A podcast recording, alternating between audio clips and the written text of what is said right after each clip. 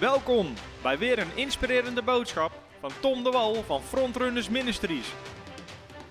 We bidden dat je via deze aflevering geïnspireerd wordt in je leven met God en opgebouwd wordt in je geloof.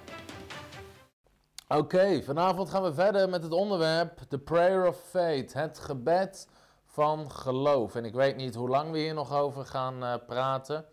Uh, ik laat me leiden door de geest en dit was het onderwerp wat God op mijn hart legt om neer te leggen. En ik denk dat we hier nog wel één keer over gaan hebben. En vanavond wil ik heel concreet behandelen. Hoe bid je nou dat gebed van geloof? Want iemand vroeg me, uh, ik ben het aan het proberen, maar ik merk dat ik ergens voor bid. Uh, maar dan weet ik het niet zeker. Of dan begin ik weer te twijfelen en dan dwalen mijn gedachten weer af. En dan weet ik, ik heb geen gebed van geloof gebeden. Dus vanavond wil ik je meenemen.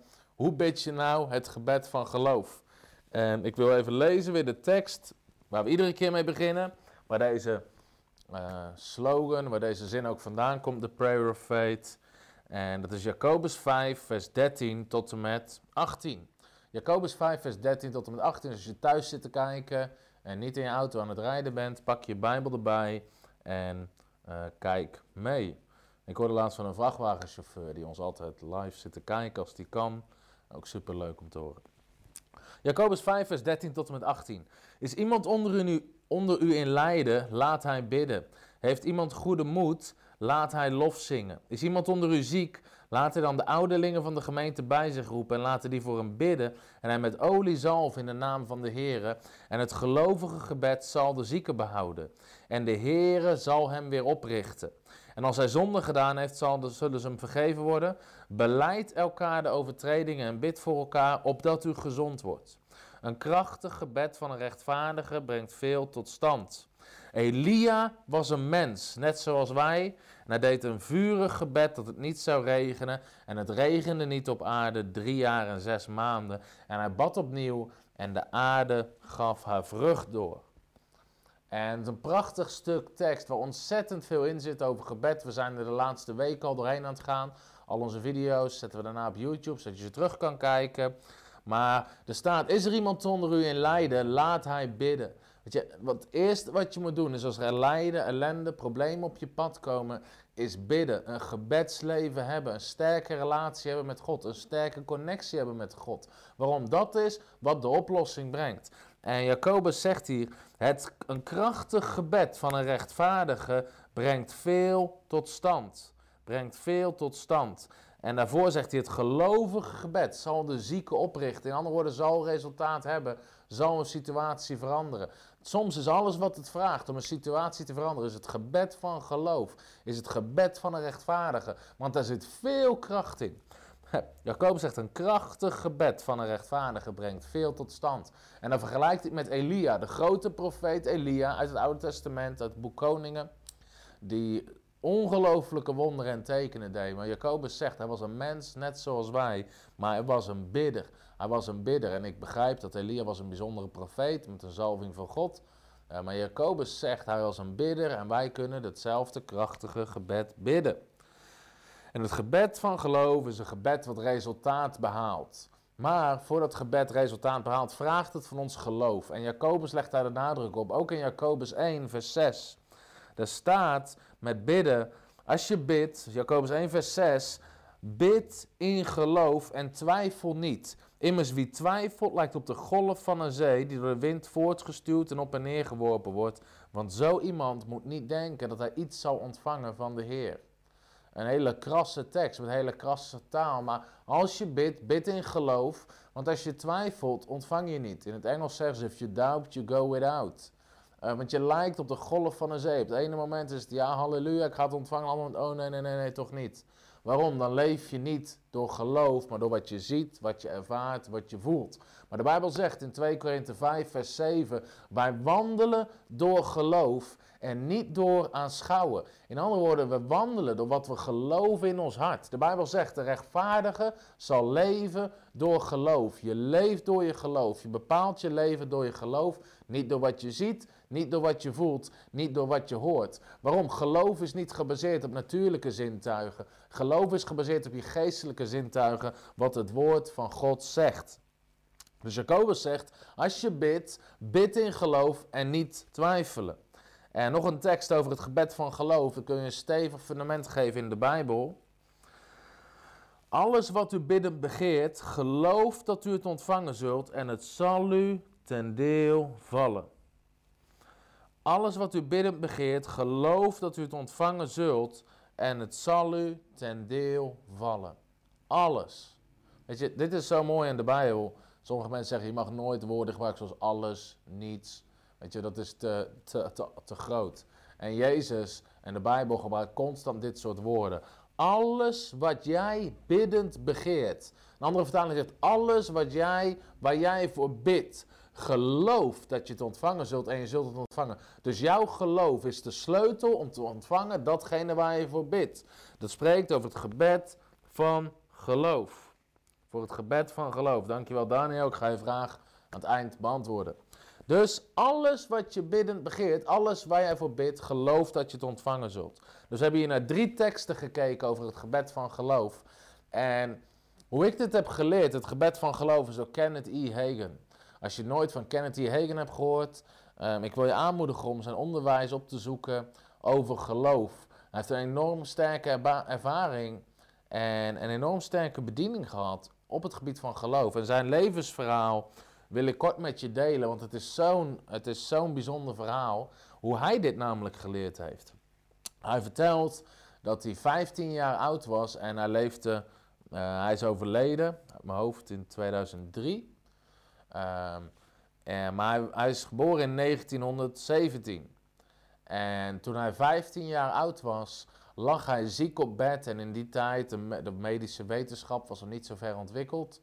En um, hij had een hartziekte en een bloedziekte, een vervormd hart. En hij lag toen hij 15 jaar oud was, doodziek op bed. En er was geen enkele natuurlijke hoop meer voor hem.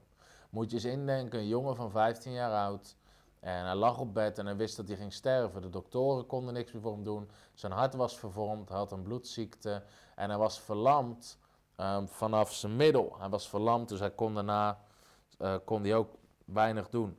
En de doktoren hadden hem opgegeven. En daar hebben we over gesproken in de serie Arise and Shine. Dat wat bij mensen onmogelijk is, is mogelijk bij God. Dat waar doktoren zeggen, we kunnen niks meer doen.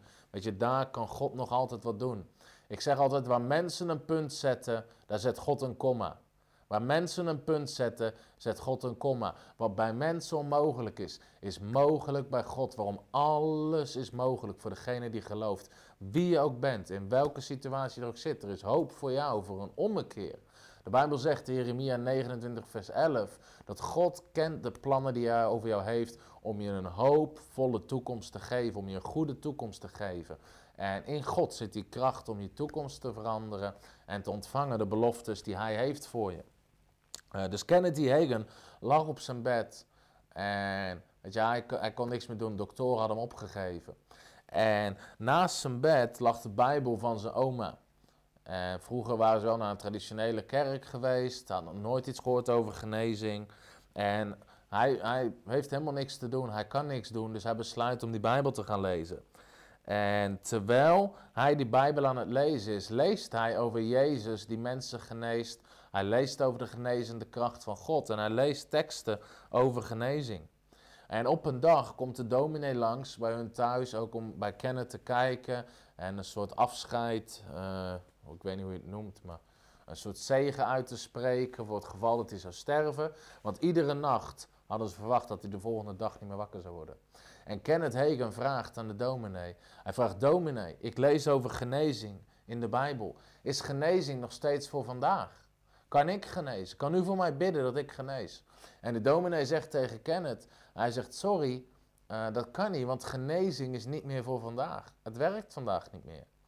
Uh, dus ik kan dat niet doen. En Kenneth Hagen, teleurgesteld, en de dominee gaat weer weg.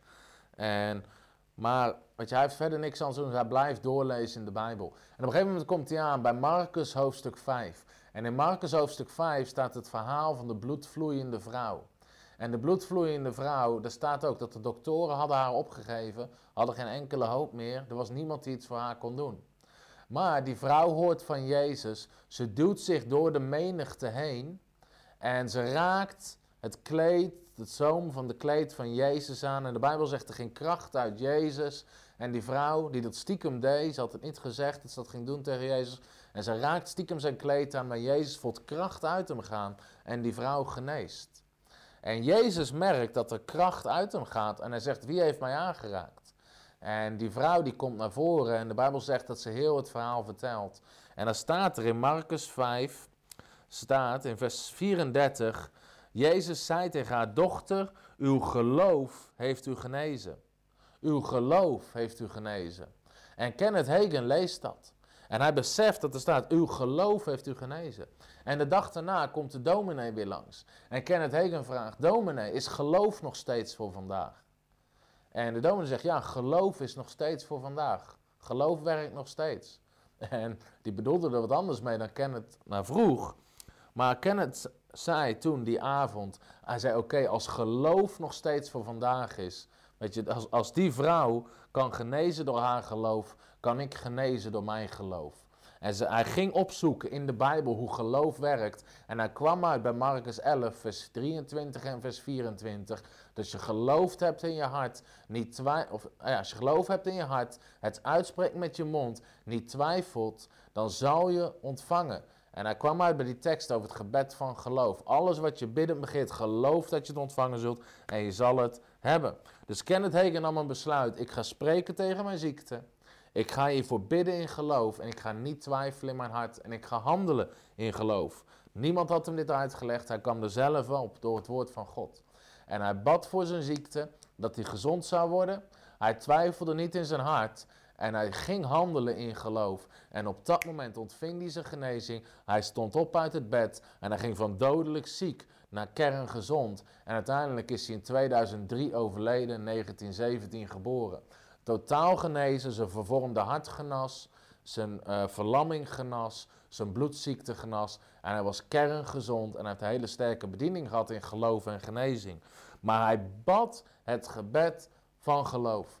Hij bad het gebed van geloof. Niemand legde het hem uit. Hij had geen voice of faith die kon kijken. Hij kwam zelf tot de conclusie: als geloof nog steeds voor vandaag is en haar geloof kon haar genezen, dan kan mijn geloof mij genezen. En hij kwam bij Marcus 11, vers 23 en 24. Hij sprak tegen die berg van ziekte in zijn leven, twijfelde niet in zijn hart, geloofde dat hij het ontvangen zou. Hij handelde in geloof en hij ontving precies waar hij God voor geloofde. Dat is de kracht van gebed. Als dit getuigenis je opgebouwd hebt, typ amen.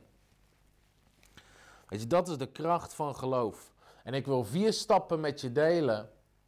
Vier stappen met je delen hoe je het gebed van geloof kan bidden. Wat jouw leven kan veranderen. En wat je aan mensen om je heen kan leren zodat hun leven verandert. Waarom? Het gebed van geloof ontvangt altijd. Het gebed van geloof ontvangt altijd. Het is de bedoeling dat jouw gebeden verhoord worden. Het is de bedoeling dat jouw gebeden verhoord worden, dat je krijgt waar je voor bidt. De eerste stap om het gebed van geloof te bidden is bepaal de wil van God. Bepaal de wil van God. En de eerste reden, en ik denk wel de primaire reden dat mensen niet ontvangen waar ze voor bidden, terwijl het altijd de wil van God is, dat je ontvangt waar je voor bidt, is omdat ze niet weten wat de wil van God is. En als je niet weet wat de wil van God is, kan je nooit bidden in geloof. Weet je, er is een hele bekende uitspraak. F.F. Bosworth kwam daarmee, genezingsevangelist in de jaren 20 van de 20ste eeuw. En hij zei: Geloof begint waar de wil van God bekend is. Geloof begint waar de wil van God bekend is. En het werkt met alles zo. Weet je, ga maar nadenken in je eigen leven. Hoe heb je redding ontvangen in je leven? Als je nog niet gered bent en je kijkt deze video, kan je vandaag je redding ontvangen. Door Jezus Christus aan te nemen als je Heer, als je Verlosser en vergeving te vragen. En je hele leven zal veranderen. Maar hoe ontvang je redding?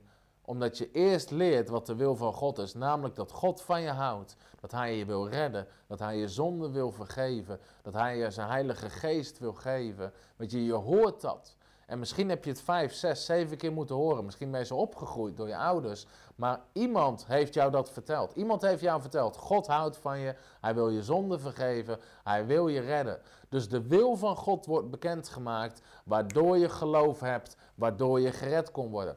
Met genezing werkt het precies hetzelfde. Als je niet weet wat de wil van God is, kan je niet je genezing ontvangen.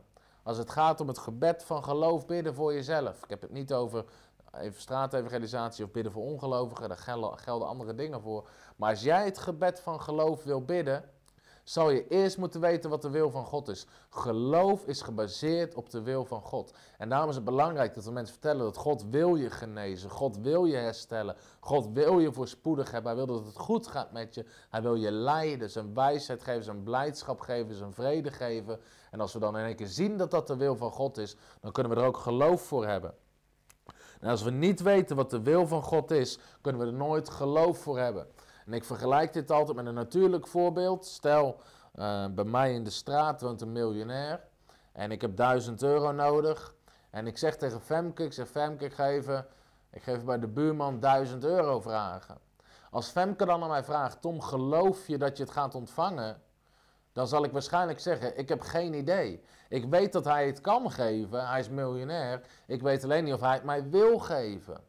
Maar als ik de buurman heb gesproken en de buurman zegt tegen mij: Tom, als je ooit geld tekort hebt, of je hebt geld nodig, mag je altijd vragen aan mij, zoveel je wil. Als ik daarna geld tekort kom en ik zeg: Fem, ik ga even naar de buurman 1000 euro vragen. En Fem vraagt: Geloof je dat hij dat gaat geven? Zeg ik ja. Waarom? Ik weet dat hij het kan doen, hij is miljonair en ik weet dat hij het wil doen. Dus voordat je kan geloven, moet je zeker weten dat hij het wil doen. En met God geldt het precies hetzelfde. Het gaat er niet alleen om wat God kan doen, het gaat erom wat God wil doen. En heel veel mensen hangen altijd in het kan doen.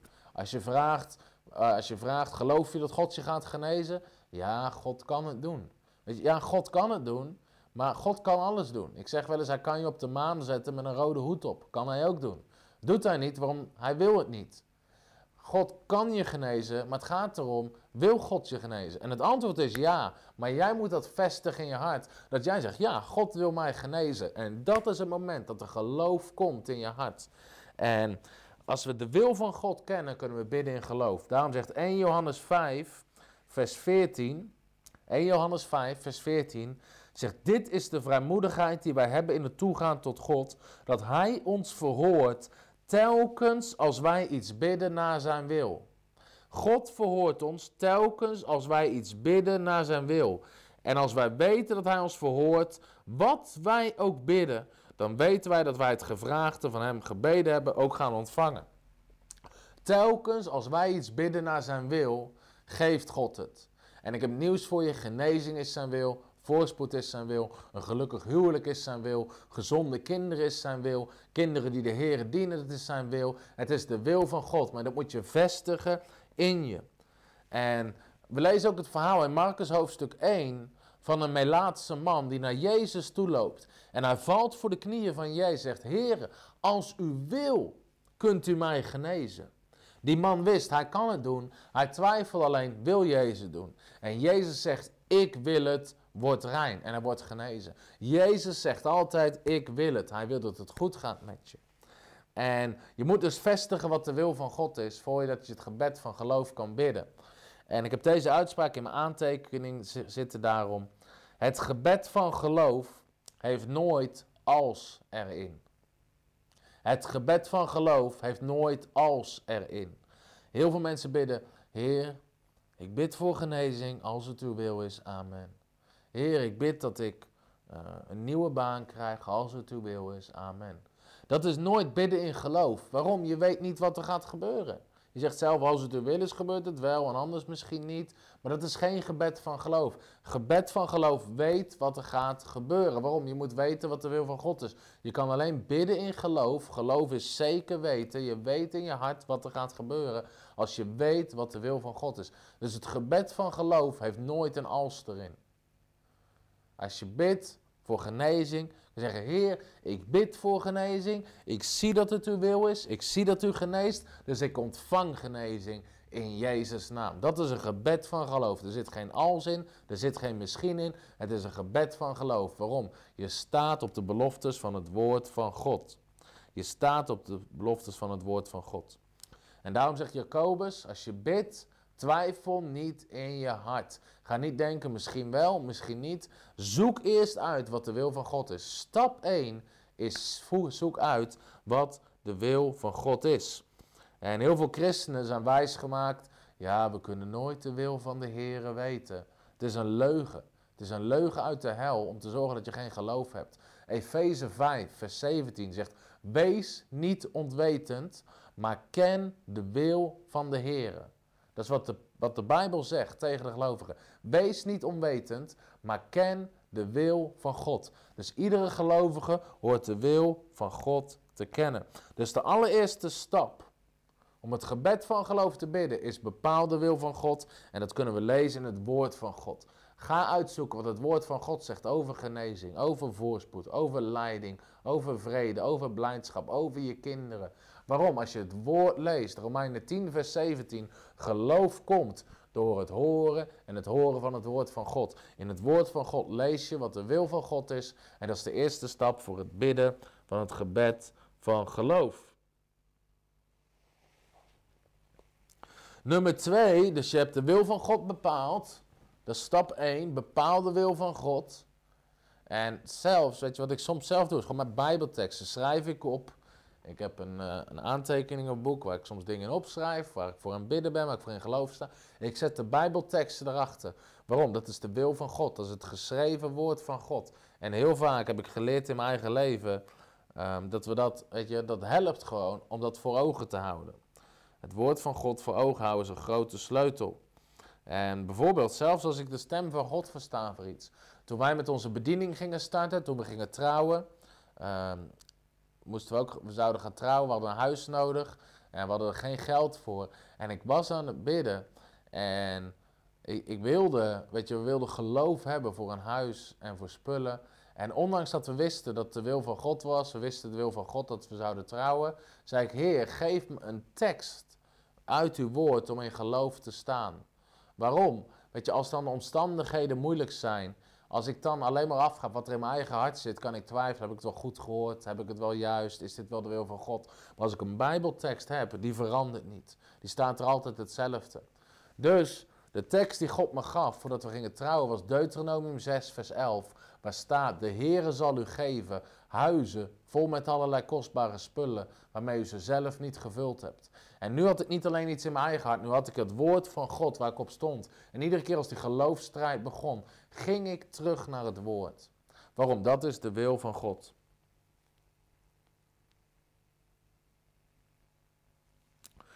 Trudy zegt, soms geeft God niet alles wat wij willen, soms geneest God ook niet. Trudy, het probleem ligt niet bij God. Jezus laat ons heel duidelijk zien. Jezus zegt, als je mij hebt gezien, heb je de Vader gezien. Jezus zegt, als je naar mij kijkt, heb je God gezien. Colossense 1 zegt, Hij is het beeld van het onzichtbare God. Jezus is het beeld van de onzichtbare God. Jezus genas iedereen die bij hem kwam. Er is niemand die naar Jezus toe kwam waarvan Jezus zei, sorry, voor jou is het niet de wil van de Vader. Iedereen. Twintig keer zegt de Bijbel, Jezus genas Jezus genas alle. Er is niemand die bij Jezus kwam en van Jezus zegt, sorry, jou wil ik niet genezen. En Jezus laat de wil van God zien. En ondanks dat het niet altijd onze ervaring is, is omdat wij mogen leren, wij mogen groeien. En dat zie je ook in het verhaal in Matthäus hoofdstuk 17, waar de discipelen voor iemand bidden en hij geneest niet. En dan komt die man naar Jezus toe, hij zegt, Heer, uw discipelen hebben voor mijn zoon gebeden, maar hij is niet genezen. En Jezus zegt dan niet, ach, dan is het vast niet de wil van God. Jezus zegt, breng hem bij mij en Jezus geneest hem wel. En dan zegt hij tegen zijn discipelen, jullie moeten groeien in je geloof, zodat je de volgende keer wel meer resultaat behaalt. Dus dat verhaal maakt heel erg duidelijk, het ligt niet aan de wil van God als en mensen niet genezen. Dan had Jezus wel gezegd in Matthäus 17, ach het was vast niet de wil van God. Jezus zegt, breng die jongen bij mij. En Jezus doet het voor, als je Jezus hebt gezien, heb je de Vader gezien. Jezus is het beeld van de onzichtbare God. God wil altijd iedereen genezen, dat is wat we zien door het leven van Jezus heen. En ja, het is altijd lichamelijk. Spreuken zegt, het woord van God is genezing voor heel mijn vlees voor vlees, voor je lichaam. En dus de wil van God is altijd dat mensen gezond zijn. Waarom? God, we zijn kinderen van God, leert de Bijbel ons. Er is geen enkele vader die wil dat zijn kinderen ziek zijn. En Jezus zegt, zoals in de hemel, zo op aarde. Dat is zijn gebed. In de hemel is geen ziekte. En Jezus zegt, zoals in de hemel, ook op aarde. Weet je, Er zitten zoveel dingen in mensen waardoor ze excuses hebben gevormd. Maar God wil gewoon dat het goed gaat met zijn kinderen. Net zoals iedere natuurlijke vader wil dat het goed gaat met zijn kinderen. Lichamelijk, geestelijk, op elk gebied van je leven. 3 Johannes 1, vers 2 zegt: Mijn kinderen, ik bid dat het je in alles goed gaat. En dat u gezond bent. Dat je gezond bent, gewoon gezond. Zoals het je ziel goed gaat. En daar laat ik het bij qua deze vraag, omdat het niet het hele thema is. Misschien dat ik er straks nog verder op inga aan het eind. Dus de eerste stap is, vestig de wil van God. Nummer twee is, bid jouw gebed van geloof. Als je de wil van God hebt, dan begin je te bidden, dan begin je het uit te spreken. Marcus 11, vers 23 en vers 24. Misschien dat ik aan het eind nog verder inga op genezing, als daar meer vragen over zijn. Marcus 11, vers 23 en vers 24. In vers 22 zegt Jezus: Heb geloof in God. Want voorwaar ik zeg u, wie tegen deze berg zal zeggen: Wordt opgegeven in de zee geworpen, niet zal twijfelen in zijn hart, maar zal geloven dat wat hij zegt gebeuren zal. Het zal gebeuren wat hij zegt. Daarom zeg ik u alles wat u biddend begeert, geloof dat u ontvangen zult en het zal u ten deel vallen. Dus de eerste stap is ken de wil van God en daarna gaan we bidden en je gaat spreken. Dat is stap 2. Bid en spreek tegen de situatie. En in geloof. Dus je bidt je gebed van geloof op basis van stap 1, de wil van God. Nou, nummer 3 is belangrijk. Stap nummer 3, stap nummer 2 heb ik heel kort behandeld, want daar hebben we het al vaker over gehad, over het bidden. Dus je gaat het spreken, je gaat erom bidden. Nummer 3 is sta geen twijfel toe nadat je gebeden hebt. Heel vaak begint de strijd als je gebeden hebt. Dus je hebt je gebed neergelegd, je hebt je geloofspunt neergezet. Hier gaan we voor, hier staan we voor in geloof. En nu begint strijd. En die geestelijke strijd heeft heel vaak te maken met ons denken. De Bijbel leert ons in Efeze hoofdstuk 6 dat het de duivel is die vurige pijlen afschiet op de gelovigen. En dat zijn pijlen van ongeloof. Het zijn pijlen met leugens van de duivel die zeggen: misschien ga je wel niet genezen. Misschien komt er wel geen doorbraak. Misschien verandert er wel niks. Ik denk dat je het herkent in je eigen leven. Als je ergens voor bidt, dat zijn de pijlen die komen. Laten we lezen in Efeze hoofdstuk 6. Efeze hoofdstuk 6. Waarom? Ik denk dat heel veel mensen die vurige pijlen herkennen. En daar staat hoe we ermee om moeten gaan. Efeze hoofdstuk 6. Houd stand, uw middel omgord met de waarheid. Bekleed u met het borstharnas van de gerechtigheid. Uw voeten geschoeid met de bereidheid van het evangelie van de vrede. Nou, vers 16. Neem bovenal het schild van het geloof op. Waarmee u alle vurige pijlen van de boze kunt uitblussen. Dus het schild van het geloof nemen we op en je zorgt dat iedere vurige pijl weer afketst. Dus de Bijbel leert ons, de duivel schiet vurige pijlen met leugens, met bedrog op je af. Jij zal nooit succes worden. Met jou wordt het niks. Jij, wel, jij zal wel niet genezen. Want je, dit gaat vast helemaal mis. Terwijl je net je gebed van geloof hebt gebeden. En de Bijbel zegt: neem boven alles je schild van het geloof op. Dus jouw geloof is een schild waarmee je iedere vurige pijl uitblist. De duivel schiet naar je. Jij zal vast ziek blijven. Maar jouw schild van geloof, je weet wat de wil van God is. En je zegt: nee, door zijn striemen ben ik genezen. En die pijl die blust. Het is het schild van het geloof waarmee je iedere leugen van de duivel uitblust zodat het geen effect heeft op je leven. Dus stap nummer drie is dat je geen twijfel toestaat in je hart. Daarom zegt Marcus 11, zegt, ik ga weer terug naar Marcus hoofdstuk 11.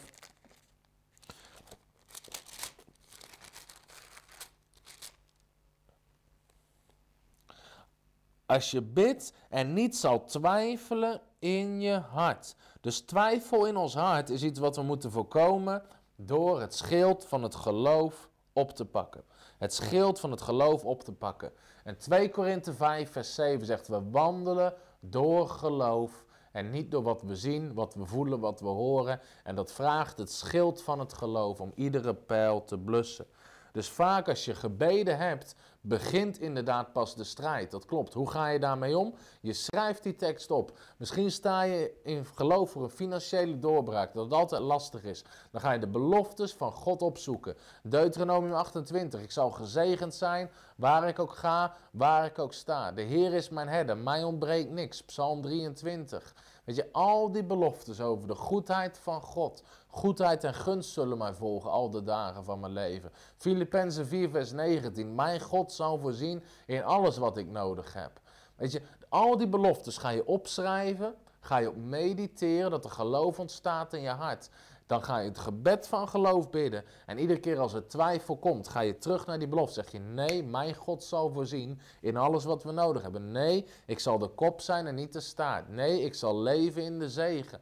Waarom? Op die manier ben je de pijlen aan het blussen. Je gebruikt je schild van je geloof. De strijd begint pas als je gebeden hebt. En dan sta je vast in het geloof, omdat je eerst hebt bepaald wat de wil van God is. Dus Pak teksten erbij over voorspoed, over genezing, over de richting van God, over de wijsheid van God. Schrijf ze op, mediteer erop. Waarom? Door te mediteren ontstaat een geloof in je hart. Je bidt het gebed van geloof. En iedere vurige pijl van de, van de, van de boze wordt geblust en zal geen effect hebben in je leven. Dus dat is stap nummer drie is sta geen twijfel toe in je hart nadat je gebeden hebt. En zoveel mensen die bidden en binnen vijf seconden zijn ze aan het twijfelen. Ze doen hun ogen open, ze zien niks, ze voelen niks, er zal wel niks veranderd zijn. Nee, je wandelt door geloof, niet door aanschouwen, niet door wat je voelt. Geloof heeft niks te maken met gevoel, het heeft te maken met geloof in je hart. Als je het gelooft, zeg je amen.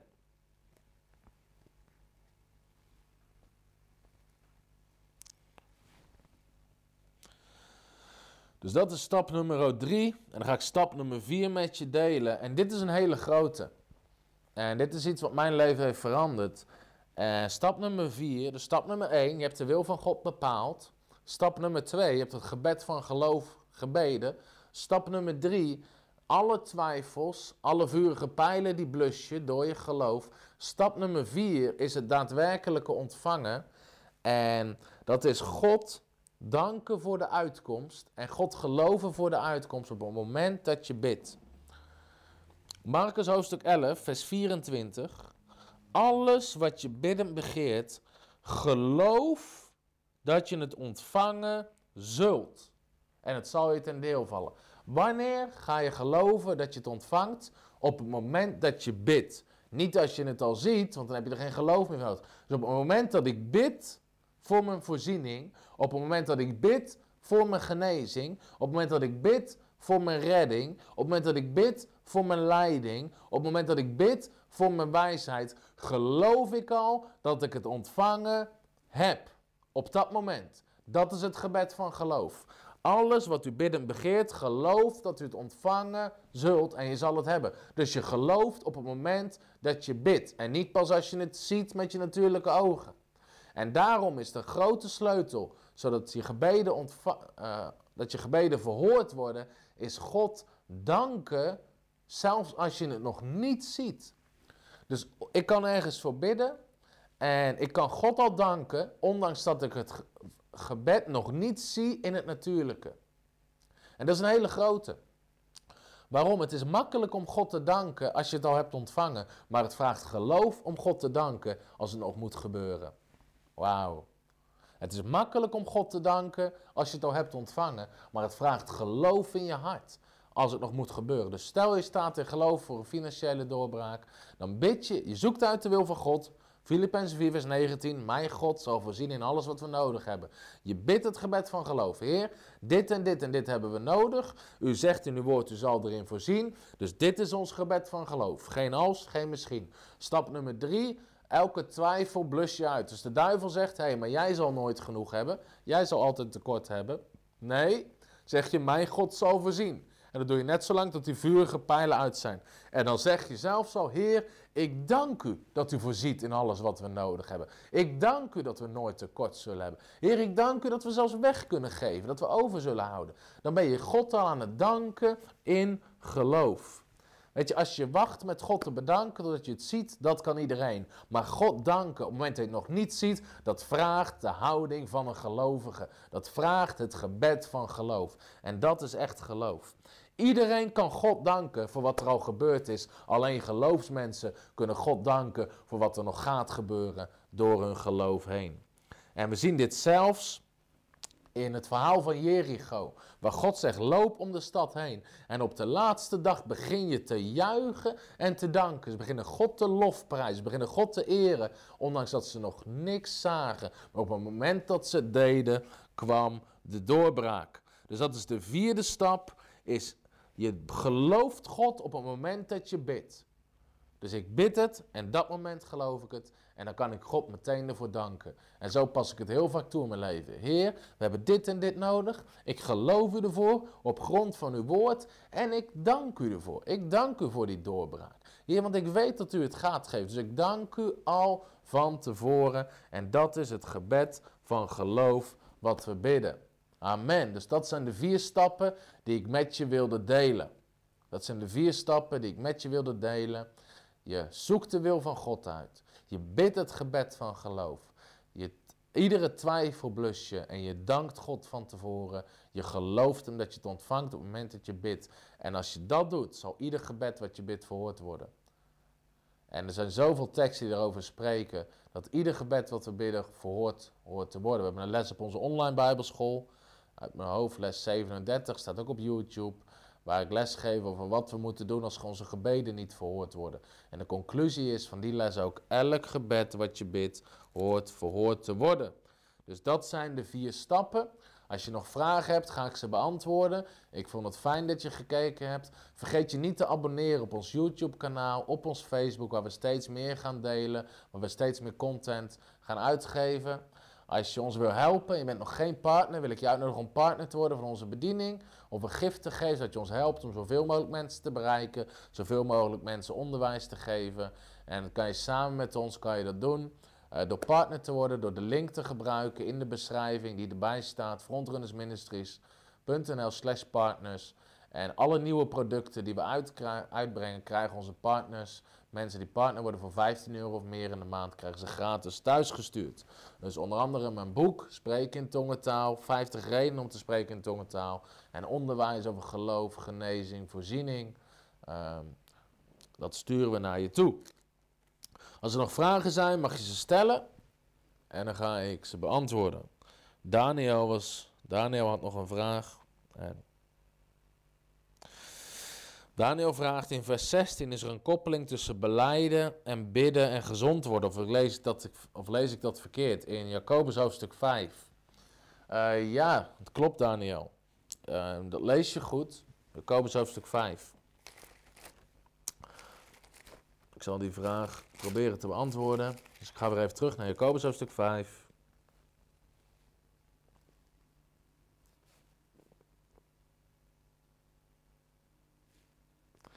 Ja, vers 15 en 16. Vers 16. Beleid elkaar de overtredingen en bid voor elkaar, opdat u gezond wordt. Een krachtig gebed van de rechtvaardige vermacht veel. En de link is, eh, het is een beetje een paradox. Aan de ene kant is het niet zo dat je zonde moet beleiden voordat je kan genezen. Waarom? We zien Jezus dit nergens doen. Iedereen die naar Jezus toe komt, nogmaals, wordt genezen. En het is niet zo dat mensen eerst hun zonde moeten beleiden bij Jezus voordat hij voor ze wil bidden. Um, tegelijkertijd uh, leert de Bijbel ook wel dat er dingen zijn die er zelfs voor kunnen zorgen dat je ziek wordt. Een van die dingen is onvergevingsgezindheid, um, jaloezie. Dus er kunnen bepaalde dingen zijn wat een geestelijke oorzaak is, wat een lichamelijke reactie in je lichaam teweeg brengt. Sommige mensen zijn letterlijk ziek van jaloezie of ziek van bitterheid. En dan helpt het enorm als die mensen daarvan afkomen, er afscheid van nemen, zeggen: Heer, dit heb ik verkeerd gedaan. En soms zie je mensen zelfs dan al opknappen, omdat ze afscheid nemen van dat soort dingen in hun leven. Dus als het gaat om gezond worden, zowel uh, fysiek als mentaal, als geestelijk, weet je, beleid je zonde, beleid de dingen die tussen jou en God instaan. Um, Ook om blokkades voor je eigen geloof weg te nemen. Als je weet dat het niet goed zit tussen jou en God, is het veel makkelijker om te geloven als je weet dat het wel goed zit tussen jou en God. Uh, dus het kan zeker helpen. Alleen je mag het nooit als voorwaarde zetten.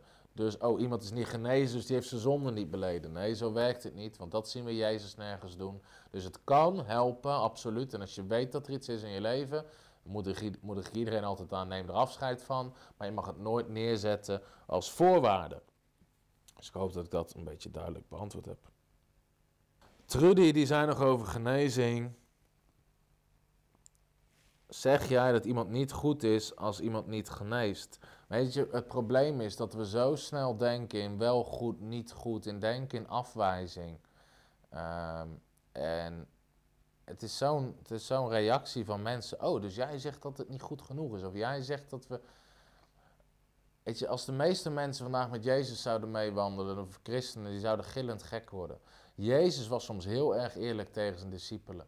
Toen Petrus op water wandelde, maar zijn ogen hield op de omstandigheden, er kwam ongeloof, hij zakte door het water, zegt hij, Petrus, waar was je geloof? Weet je, Petrus zei ook niet tegen Jezus, oh, u zegt dat ik niet goed ben. Nee, hij kreeg gewoon een leerpunt mee. Oké, blijkbaar mag ik groeien, blijkbaar mag ik leren, blijkbaar mag ik ontwikkelen. En dat is de manier waarop ik er zelf mee omga. Ik weet dat als ik bid voor iemand en er is geen verandering, ligt het niet aan die ander, ligt het aan mij. Want Jezus zei tegen zijn discipelen, hij zegt, waar is jullie geloof? Hij zei tegen zijn discipelen, niet tegen de jongen die ziek was. Dus ja, het werkt twee kanten. De zieke kan geloof hebben, zoals de bloedvloeiende vrouw, die door haar geloof werd genezen, zonder dat überhaupt Jezus aan het bidden was. Gewoon door haar geloof ontving ze het. En tegelijkertijd, als jij aan het bidden bent voor anderen, dan ben jij verantwoordelijk. En soms zien we geen wonder gebeuren, omdat we aan het groeien zijn in geloof. En som, ik, ben, ik ben heel eerlijk daarin, soms naar mezelf. Ik heb voor mensen gebeden die blind zijn, die niet eens ogen hebben in hun oogkassen. En weet je, op dat moment moet je afvragen, heb, heb ik wel echt geloof hiervoor? Of moet ik groeien in mijn geloof? Waarom alles is mogelijk voor degene die gelooft, zelfs zoiets. En ik ken iemand en die vertelde het verhaal, een voorganger met een grote genezingsbediening. En hij vertelde het verhaal dat hij werd geroepen naar het ziekenhuis toe omdat iemand uit zijn gemeente had een ongeluk gehad. En die lag daar. En hij ging erheen om te bidden. En hij stond bekend om een enorme genezingsbediening. En hij loopt het ziekenhuis binnen en hij ziet die man liggen. En allerlei draadjes en apparaten en allerlei dingen. En hij beseft in zijn hart. Weet je, dat komt zo op hem af.